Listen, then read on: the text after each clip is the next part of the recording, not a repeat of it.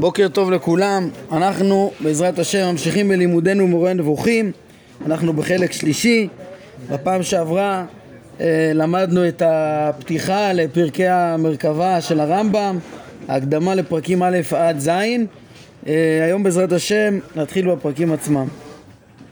אומר אה, הרמב"ם, פרק א', ידוע שיש אנשים שצורת פניהם דומות לצורת אחד משאר בעלי החיים. כך שאתה רואה אדם שכאילו פניו דומים לפני אריה ואדם אחר כאילו פני שור וכיוצא בהם. זאת אומרת מדובר על הבעות פנים, על תווי פנים ש... שיוצרים רק דמיון מסוים. כן, יש פנים, הבעת פנים תמימה אה, כמו של שור או ערמומית כמו של שועל או יש אה, איזשהו דמיון שאפשר לראות בין פני איזה אדם עם הדרת פנים של אריה וכל מיני דברים כאלה או איזה מבט חודר של אה, נשר. אה, יש דבר כזה ש, ש, שיש פני אדם ואפשר לכנות אותם גם לפי הבעת הפנים ותווי הפנים כאילו הם פני חיה בגלל דמיון מסוים שיש ביניהם. יש איזה... כן, לא, לא משנה. אז ומכנים את בני האדם על פי הדמויות האלה הנוטות לדמויות פני בעלי חיים כאילו יש להם פני בעל חיים. בעצם אבל ברור שיש לו פני אדם רק עם הדמיון המסוים הזה. אומר הרמב"ם בהתאם להבנה הזאת שככה צריך להבין את, אה, את פני החיות שנזכרים ביחזקאל. אומר הרמב"ם כך מה שאמר יחזקאל פני שור, פני אריה ופני נשר כולם, כולם אינם אלא פני אדם הנוטים לאותן צורות של מינים אלה וזה מה שהם נקראו ככה שימו לב, הרמב"ם אומר פה טענה פשוטה, זו הטענה של פרק א', טענה שבעצם עוסקת במשל של מעשה מרכבה בלי לפרש שום דבר בנמשל, כן? הוא בעצם אומר, מתוארים בכל מי שפותח את פרק א' ביחזקאל, גם בלי לדרוש במעשה מרכבה, פשוט קורא את הפסוקים. מי שקורא את הפסוקים יודע שיש שם אה, במעשה אה, מרכבה, מי שמקשיב ל... לקריאה בשבועות, אה, יודע שיש שם אופנים וחיות ואדם שעל המרכבה יש שם רקיע, על, מעל ראשי החיות רקיע, דמות כיסא ועל הכיסא דמות כמראה אדם. אז יש לנו את האדם, יש לנו את החיות ואת האופנים. האופנים, אה, אה, החיות, אנחנו עכשיו עוסקים בהם, מתואר ש... שיש להם את ארבעת הפנים האלו שור, אריה, נשר ואדם. והרמב"ם אומר לך, תדע לך שהמשל שם, עוד בלי לפרש בכלל את המשמעות שלו אה, שזה האמירה של הפרק שלנו העיקרית פה שהמשל שם זה לא שיש להם אה, אה, המשל הוא לא שיש להם פנים של בהמות וחיות. אני מזכיר לכם שבפרק מ"ט בחלק ראשון הרמב"ם אמר שהנביאים כשהם מדמים את המלאכים אפילו כן, אז הם, את השם לפעמים, או את המלאכים, או דברי חז"ל, אז, אז הם, הם מייחסים לו צורת אדם, אבל לא צורת בעלי חיים. למלאכים יוחסה כנפיים, שזה עבר של בעלי חיים, והוא דן בזה שזה ל... אה, מה זה בא לסמל, הכנפיים השונות, עוד נראה את זה גם פה בהמשך. אבל בעיקרון הם, יש להם דמות אדם. עכשיו, פה אנחנו לא עוסקים אה, אה, במלאכים, הרמב"ם ציין כבר שם בפרק... אה, מ"ט בסופו, החלק ראשון, שעוסקים בחיות, עוד מעט נגיד מה זה החיות, כן? אני בכוונה רוצה קודם כל ללמוד את הפרק ככה, אה, אה, שנשים לב למה שהרמב"ם אמר לנו בהקדמה, שהוא לא אומר שום דבר בנמשל, כן? אז החיות זה לא המלאכים, אה, אמר לנו הרמב"ם בפירוש כבר שם בסוף פרק מ"ט, עוד מעט נראה מה הם. והרמב"ם לגבי החיות, הוא אומר, תדעו לכם, המשל הוא, זה לא שהם דומו ל, לבהמות, לחיות, לשור, אריה ונשר, אלא כולם יש להם, כולם בדימוי, הם, יש להם פני אדם עם הבעות שונות. זה המסר של המשל שהרמב"ם אומר פה, ועכשיו הוא מביא לזה ראיות. אה, זה בהמשך, כן, הוא כבר אז הבטיח, זה בהמשך למה שהוא אמר שם בפרק מ"ט, שהוא עוד יסביר לנו מה זה, איך הוא בעצם מעמיד את העיקרון שלו. לא דימו את העליונים אה, לבעלי חיים, אה? אז מה זה החיות ביחזקאל? מה זה אם לא דימוי העליונים לבעלי חיים? אז אה, אומר הרמב"ם זה לא המלאכים, זה לא המלאכים, ועוד חוץ מזה שזה לא המלאכים, אני עוד אפרש לך את זה כשנגיע לפרקי המרכבה. כאן הרמב"ם משלים את החוב הזה ואומר, תקשיבו, זה בכלל לא הכוונה פנים של בעלי חיים, הכוונה לפני אדם עם הבעות של בעלי חיים. עכשיו הרמב"ם מביא לזה ראיות ואחר כך נפרש את המשמעות בעזרת השם. למה, למה הרמז? אומר הרמב"ם, על דבר זה הראו לך שתי ראיות בפשט. האחת, דבריו על החיות בהכללה, וזה מראיהן דמות אדם להנה. לאחר מכן תיאר כל חיה מהן שיש לה פני אדם ופני שור ופני אריה ופני נשר. כן? בהתחלה אה, קודם כל נאמר שלכולם יש דמות אדם ואחר כך נוסף התיאור הזה שלכל אחת אגב יש את ארבעת הפנים האלה. זה לא שלכל חיה, לארבעת החיות לכל אחת מהם יש אה, אה, אחד מהפנים אלא מפורש בכתוב וגם ברמב"ם. אה, כל חיה מהן, אני קורא את תחילת פרק ב', אה, יש שם בעלת ארבעה פנים. את כל אחד מה, מה, מהפנים האלו, מה, מהבעות האלה, מהדימויים האלו, מהבעות הפנים האלו, יש לכל אחת מהחיות, אבל נאמר על כולן שהן דמות אדם, אז זה רק הבעות פנים, אבל בעצם מדובר בפני אדם. זה ראייה ראשונה. והראייה השנייה, אומר הרמב"ם, היא ביאורו במרכבה השנייה, שהביא אותה כדי לבאר עניינים שנותרו סתומים במרכבה הראשונה. מה הכוונה? יש לנו שתי פרשיות. אה, יחזקאל פרק א' ויחזקאל פרק י', כשיחזקאל פרק א' זה אה, התיאור המפורט של המרכבה, וגם ביחזקאל פרק י' יש עוד פעם תיאור של אותה החיה אשר ראיתי אה, תחת אלוהי ישראל בנהר כבר, כמו שהרמב"ם מיד יציין, בעצם יש שם עוד תיאורים מקבילים ב- ב- עם, עם דיוקים ודקדוקים ושינויים, הרמב"ם יעסוק ב... תוספות שיש בפ... בפרק י' אה, לעומת פרק א' ולהלן, הרמב"ם יעסוק בזה פרק ג', כן? איזה דברים מחדשת ומבהירה המרכבה השנייה, המחזה השני של יחזקאל, שהוא בעצם אומר הרמב"ם, הוא מדבר על אותו עניין במילים שונות ובתוספות פרטים, שינויים כדי שתבין. אה, על כל פנים יש שני מרכבות, והמרכבה השנייה גם פה עוזרת לנו להבין שמדובר בפני אה, אדם לכולם. למה? הוא אמר במרכבה השנייה אמ, וארבעה פנים לאחד, פני האחד פני הכרוב ופני השני פני אדם והשלישי פני אריה והרביעי פני נשר. אומר הרמב"ם הרי שאמר במפורש שמה שאמר עליו פני שור הוא פני הכרוב. פה במרכבה השנייה הוחלף השור בכרוב, זאת אומרת אותו חיה שתוארה או אותו פני חיה יותר מדויק שיש אה, אותם פנים שיש לכל אחת מהחיות אה, שתוארה קודם כפני שור, עכשיו פתאום מתוארת כפני כרוב. כן, אז אם נאמר שזה... אה, אז, אז, אז בעצם...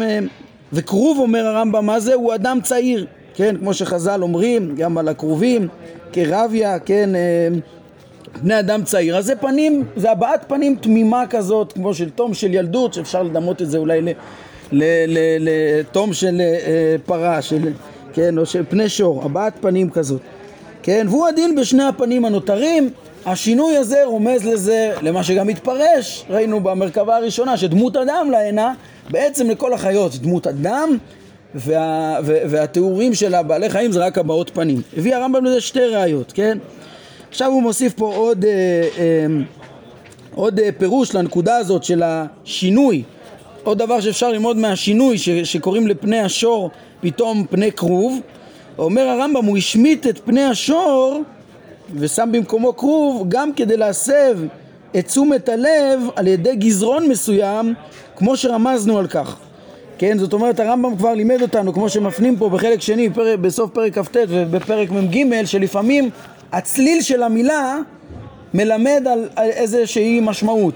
אז הרמב"ם אומר תדעו לכם אה, זה שבעצם השתמשנו במילה שור כלפי משהו אחר כך מתואר שהוא בכלל כרוב, זאת אומרת יש פה פני אדם, אבל קראנו לו, במקום להביע איזה תמימות של תינוק, אמרנו הבעת פנים של שור, פה הצליל של המילה מלמד משהו על החיה, כן? ו... וזה מה ש... כן, זה, זה שיטה של רמז שהייתה פה, כן, ומוסיף הרמב"ם אה, לבסס את הראייה האחרונה שמדובר בפני אדם אה, ורק בהבעות פנים של אדם ולא בפני חיות, אה, למה אנחנו יכולים להסתייע מה, מהמאמר, מה, מהמרכבה השנייה? אומר הרמב"ם לא ייתכן לומר שמא זוהי אה, השגת צורות אחרות, בכלל, בכלל אולי המרכבה השנייה השיגה צורות אחרות, זה לא אותו צורה למה? כי הוא אמר בסוף התיאור השני, היא החיה אשר ראיתי תחת אלוהי ישראל בנהר כבר, כן, הוא חוזר על זה שם פעמיים, אה, יחזקאל, ומדגיש זה אותו מראה. לכן אנחנו יכולים להבין שפני השור הם בעצם פני כרוב, וממילא אה, זה ראייה שנייה לנקודה שהרמב"ם אומר בפרק הזה, הרי התבהר מה שהתחלנו לבאר, לחיות כולם יש פני אדם, כן, ו- ו- וחוץ מזה שיש להם פני אדם, אז זה תואר שיש רק, כן, הבעלי חיים שהוזכרו זה רק הבעות פנים, כן? אני חוזר ואומר את מה שאמרנו, הנה קראנו את פרק א', הרמב"ם לא גילה שום דבר מס, מסתרי תורה, הרמב"ם בסך הכל מה שהוא עשה זה אה, לדקדק איזה פרט במשל, כן? אל תנסה להבין שיש פה המשלה לבעלי חיים עצמם, אלא יש פה המשלה לכל ארבעת החיות המדוברות, הם כולם יש להם דמות אדם והבעות פנים של חיות. זה המשל. מה הנמשל הוא לא מפרש, כן? בכלל. אז אה, כן, זה רק מי שלומד, למד את החיבור היטב ויעיין גם בפרקים האלו עכשיו היטב, ידע מהם אותם חיות. ו...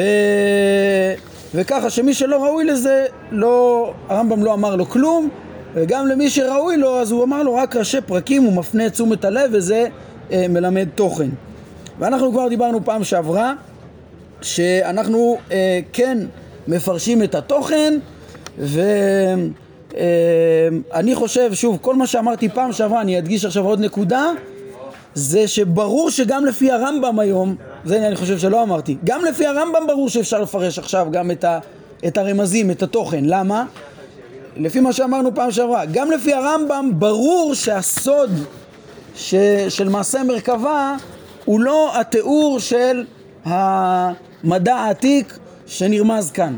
כן, זה ברור. למה? למה זה כל כך ברור לי שזה דעת הרמב"ם? כי הרמב"ם, כל מאודו בפרק הזה, זה לבאר את, אה, את סודות התורה בהתאם להנחות עיוניות ובהתאם למדע ובהתאם לכל מה שאפשר להכיר במציאות. כן, ככה שהרמב"ם היה, אם היה היום, חד משמעית הוא היה הולך עם מסקנות המדע ומנסה לשכלל את הביאור שלו ולהתמקד ביסודות הנצחיים שיוצאים אה, גם מתיאורים אה, ישנים אם ישנם, כן? זאת אומרת שוב אני מדגיש לפי הרמב"ם היום הוא אפשר לפרש את הרמזים בביאור מה הרמב"ם מתכוון כאן וזה אה, בגלל שהרמזים שהרמב"ם רמז עליהם פה הם לא תוכן הסוד של מעשה מרכבה גם לפי הרמב"ם עצמו כן ואני יחזור וידגיש רגע מה שאמרנו פעם שעברה, ש... ש... אולי שאני אהיה יותר ברור. אנחנו מיד נראה שאיך שהחיות רומזים לגלגלים והתיאור כולו של מעשה מרכבה הוא, הוא, הוא ממש פשוט לתאר את מבנה העולם לפי התפיסה אה, של המדע אה, דאז, כן? זאת אומרת לתאר, יש, יש בעולם, כמו שלמדנו בהרחבה כבר, אה, יש בעולם אה, שלוש קטגוריות עקרוניות של זכלים נבדלים, גלגלים ויסודות, כן? גם במעשה מרכבה יש ש, אה, אה, שלוש, שלושה רבדים עיקריים, שלוש מראות, שלוש מחזות, שזה האופנים כנגד היסודות, החיות כנגד הגלגלים, והאדם שעל המרכבה כנגד הזכלים הנבדלים. על הקדוש ברוך הוא בעצמו אין שם תיאור. אה, עליו אפשר ללמוד מתוך מעשיו. אבל את המבנה של, על המבנה של העולם העתיק למדנו ולמדנו הרבה. הרמב"ם גם לימד אותו בצורה מסוימת כדי שתוכל להבין איך יחזקאל רומז אליו. ונדבר על זה כבר, אנחנו נראה.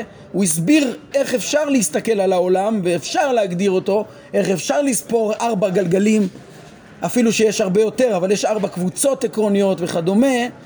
ואז אתה תוכל להבין שהארבע החיות שאנחנו מדברים עליהן הם ארבע גלגלים, כן?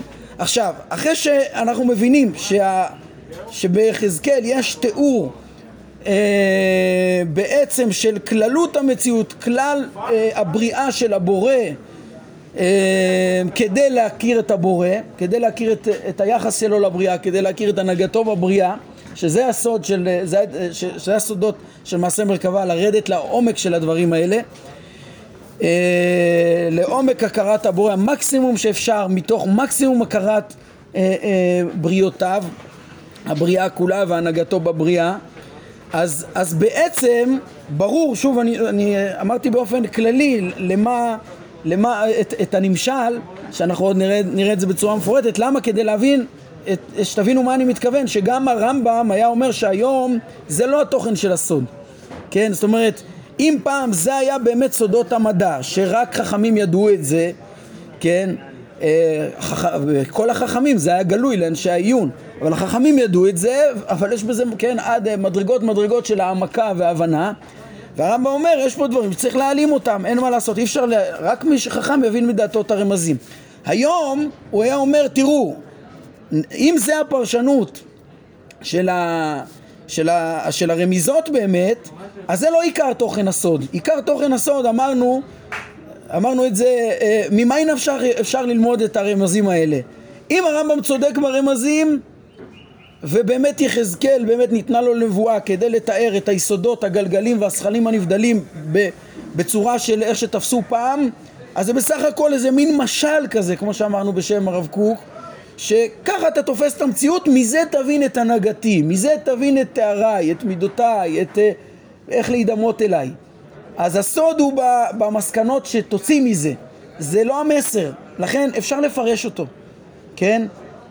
אה, אה, שוב, אם זה הכוונה, והרי אנחנו יודעים שזה בכלל לא נכון, אז לא יכול להיות שהוא, שזה הסוד, זה רק כלי, זה רק אמצעי, לכן אין בעיה לפרש את הרמז הזה, כן? אה, יש גם, כן, גם על הצד, יש גם, יש גם כיוון אחר, ברגע שאתה מבין, אמרנו, ש, שאותם דברים הם, לא, הם, הם לא נכונים, אז אולי, כן, אולי צריך לפרש מחדש את, את הרמזים באופנים, בחיות ובא, ובאדם שעל המרכבה, ויש פירושים אחרים בתורת הסוד לחכמים שונים ורבים, פירושים שונים מה הכוונה. אז אולי בכלל צריך לבחור דרך אחרת, אולי באמת יחזקאל בכלל לא דיבר לאותו מדע, מה, מה הכרח להגיד שהוא דיבר על אותו מדע, כן? ויכול להיות שגם בזה הרמב"ם עצמו היה בוחר. בהנחה, גם לפי ההנחה אה, אה, הזאת, ברור שאין בעיה לפרש מה הרמב"ם פירש אז, כי זה לא הסוד, זה לא הנושא שאסור לדרוש בו, כן? זה מה שבעצם הסברנו, איך ממאי נפשך אפשר לפרש את, ה, את הרמזים האלו למה הייתה הכוונה כשאנחנו כרגע ממוקדים ב, ב, בהנחה שזה כן הכוונה, כן? אנחנו מבינים את כוונת הרמב"ם ואז אנחנו נצטרך להבין אז מה לומדים מזה, כן? מה לומדים מזה? מה התוכן שאנחנו כן יכולים ללמוד מזה? זאת אומרת, אמרנו ש, ש, שיש את האפשרות הזאת, ש...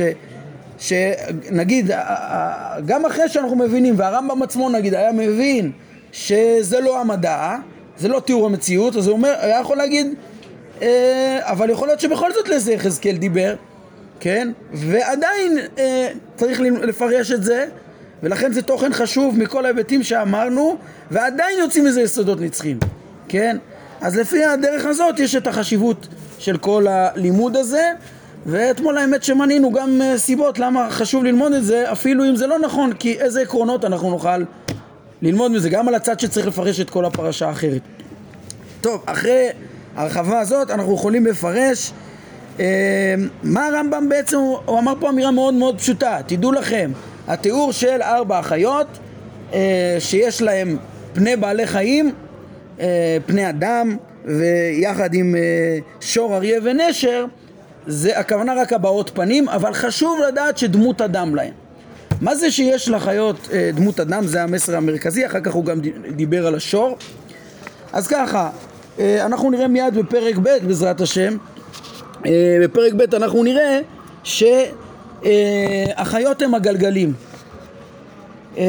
המסר של לומר שיש להם דמות אדם זה בעצם לומר שהם חיים משכילים, כמו שלמדנו בתחילת חלק שני, הרמב"ם מביא לזה ראיות ממקראות ומדברי חז"ל, פרק ה' אם אתם זוכרים, אה, הוא הביא לזה אה, הכרחים פילוסופיים בפרק ד' בחלק שני, הסביר ש... למה, מה ההכרח להבין שהגלגלים הם חיים משכילים, יש להם נפש, יש להם תשוקה, יש להם שכל והם משכילים את המלאכים, אז הם בעלי תודעה. בזה ממילא לתאר את החיות בדמות אדם דווקא ושהבעלי חיים הם רק הבעות הפנים שלו זה בעצם, תשים לב קודם כל שהגלגלים הם חיים אה, אה, משכילים, כן? אה, נקודה שהרמב"ם לא טורח לפרש לנו זה אז מה בכל זאת מבטאות הבעות הפנים השונות, כן? הרמב"ם מציין את זה ברמז, גם בפרק הבא אנחנו נראה כל חיה מהם יש לה ארבעה פנים, שהם פני האדם, שור, כרוב, כן, אה, אה, אדם, שור, אה, נשר ואריה. אנחנו נראה בעזרת השם שה... ארבע הפנים כנראה זה רומז לארבע כוחות ששופעות מן הגלגלים. כן, הרמב"ם תיאר בשני מקומות בחיבור, שמן הגלגלים לפי המדע אה, שופעות, שופע כוח המחצבים, כוח הנפש הצומחת, כן, הנפש החיונית ונפש האדם, כן? אה, אני, אני אומר את זה, ו, וכמו הרבה פענוח של הרבה רמזים אחרים, אני אומר את זה בהסתייגות מסוימת, אין ודאות בדבר הזה. הרמב"ם לא גילה. הרמב"ם בעצמו אמר לנו בהקדמה, אני לא הולך לרמוז לך גם כי אפשר אולי לתת פירושים שונים מה הכוונה לדברים האלה. אבל הדרך שאני מפרש פה את הדברים וכל כלל הפרשנים של הרמב"ם אה, מפרשים את הדברים זה למצוא אה, פרקים שבהם הרמב"ם אה, רמז ואמר, תיאר את ה, נגיד את הגלגלים בצורה ברורה ואמר עליהם נגיד ששופים מהם אותם ארבע כוחות ועל פי זה לדייק בדקדוקי לשון הרמב"ם פה ורמיזותיו ולהגיד אה המשל הזה מתאים לעובדה הזאת, המשל הזה מתאים לעובדה הזאת. אני חושב שה, שהפירוש הכי טוב שיש לחיות אה, להבעת הפנים שיש לחיות, לכל חיה וחיה, לכל גלגל וגלגל, זה מה שהרמב"ם אמר, זה נמצא בפרק אה, ע"ב, פסקה 11 מחלק א', כן? שם הוא מתאר את אה, שפיעת אה, ארבע הכוחות האלה מהגלגלים, זה, זה כוחות ששופעים מהם במודעות, ב, יש פה בעצם דמות אדם ש, שמביעה אה, כלפי המציאות פנים שונות והם כוחות שונים. אה, זה ארבע הפנים האלו, כשההקבלה שלהם גם אפשר למצוא רמז, ב, כמובן שפני אדם זה, זה מתאים לכוח אה, ההוגה של האדם, הגלגלים משפיעים לאדם את הכוח ההוגה, או אולי נתחיל מלמטה. נתחיל מלמטה ובשביל זה נצטרך, מהשור. ובשביל זה נצטרך לפרש את הרמז הנוסף שהרמב"ם אמר לנו בפרק, כן? אמ, סליחה שאני מדבר קצת בבלגן, אבל זה, זה מתאים לנושא הזה, שיהיה בראשי פרקים. אמ, כן, הרמב"ם אמר שתשימו לב, ההחלפה של השור רמזה לצליל, תלמד משהו מהצליל של שור על החיות, כן? אז הפירוש שמציעים המפרשים פה זה ששור זה מזכיר את שור, שור זה חומה, חומה מקיפה, כן? אמרו פה גם שזה גם לשון של הבתה, אבל לי מתאים יותר ההבנה לבחור את הרמז של השור, חומה מקיפה, שזה רומז לצורה של הגלגלים שמקיפים את העולם, כן? זאת אומרת, גם, יהיה לזה עוד אה, רמזים יותר אה, ברורים ועבים, כמו הכף רגל עגל, שהרמב"ם כבר רמז שהעגל, הצליל, מזכיר את העיגול ו- ו- ו- וכדומה. אנחנו נראה עוד רמזים יותר ברורים לצורה העגולה של uh, הגלגלים, אבל זה גם כן רמז לזה, ויש לזה תועלת בפרק שלנו כדי לפענח את ההקבלה שהתחלתי לפרש בין הכוחות השופעים מן הגלגלים, הבעות הפנים שיש לגלגלים, לבין, אה, לבין המשלים האלה, כן? בין, ה, בין הרמזים האלה לבין הכוחות. ועכשיו נפרש את זה מלמטה למעלה. אז, אז השור, השור, החומה המקיפה, הצורה העגולה של הגלגל, היא רומזת לכוח, להתהוות המחצבים. התהוות המחצבים, הרמב"ם מפרש, איפה שהזכרתי, בפרק אה, אה, ע"ב אה, פסקה 11 בחלק ראשון, זה שעצם הסיבוב של הגלגלים הוא מערבב את היסודות שנמצאים בפנים ויוצרת תרכובות של מחצבים. כן, לכן הצורה העגולה של השור רומזת לדעתי, יכולה לרמוז לפחות, לכוח התהוות המחצבים. פני הנשר, אני מדלג רגע על האריה, לא לפי הסדר, לא נורא. פני הנשר, הנשר הוא מגביה עוף וטס אה, מהיר, הרמב"ם אה, מציין את מהירות הנשר בפרק אה, מ"ט, בסוף פרק מ"ט שהזכרתי, כמסמל תנועה ותנועה שמסמלת חיות, כן? מתוך הדימוי הזה אפשר להקביל אותו לכוח הנפשי של בעלי החיים כי הכוח הנפשי זה בעלי חיים התייחדו בתנועה במרחב כן וזה הנשר. אדם כמובן פני אדם זה, זה הכוח ההוגה. הנפש המדברת של בני האדם שהיא גם כן כוח ששופע מאת הגלגלים. לפי אה, איך שהרמב"ם כתב באותם מקומות אמרתי זה גם באלף עין ב' וגם בבית י' פסקה 7, בית י' פסקה 7, שם הפרק שם הרמב"ם בפירוש ממש אומר תדעו לכם אני מבאר את כללות המציאות בצורה מסודרת, כן, בעצם השלמה של מהלך מב' עד י"ב, אני הולך להסביר לך את, ה, את, ה, את המציאות במבנה מסוים כדי שיעזור לך להבין את מעשה בראשית ומעשה מרכבה, ככה הרמב"ם אומר שם, והוא פרק מפתח שעוזר להבין את, אה, שם הרמב"ם בוחר לתאר איך הגלגלים הם ארבע, אז זה ארבע חיות, כן? ושופים מהם ארבע כוחות, זה ארבע הבעות הפנים שאנחנו מדברים עליהם, כן? פרק י"7, יפה. אז גם שם זה נזכר. אחרי שמצאנו אה, התאמה ברמזים של אה, אה, שלוש פנים, אז בעצם נשאר לנו רק את האריה שהוא מסמל את הנפש הצמחית פה הדמיון הוא קצת קשה, אבל ביחס לנשר שמגביה עוף ומסמל את, התנועה, אז האריה שנמצא על היבשה מסמל את הצמחים שקבועים במקומם ב, ב, ביבשה.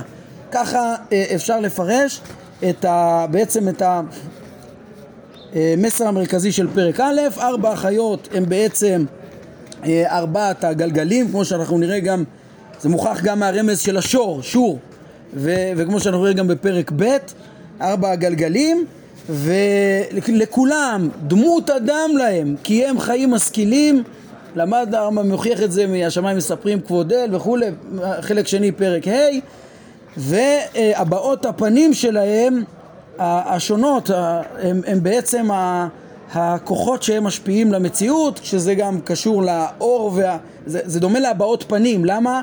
כי הרמב"ם אומר שנתינת הצורות ניתנת בחומרים גם בהתאם לאור והחושך והיחסים בין, ה, בין הגלגלים שיש בהם כוכבים, היערות וה, והחושך זה דבר קשה לתפוס אותו בדיוק איך זה בדיוק עבד לפי המדע אבל זו טענה מדעית שאפשר למצוא אותה גם אצל אה, אנשי המדע של זמנם ו... ואותן הערות כלפי המציאות של היסודות שנותנות את הצורות האלה, את הכוחות האלה, הן מתוארות כהבעות פנים שונות שנמשכות מהגלגלים השונים. מכל גלגל וגלגל הוא שותף בדבר הזה בארבעת הכוחות וככה אפשר ללמוד את הרמז הזה.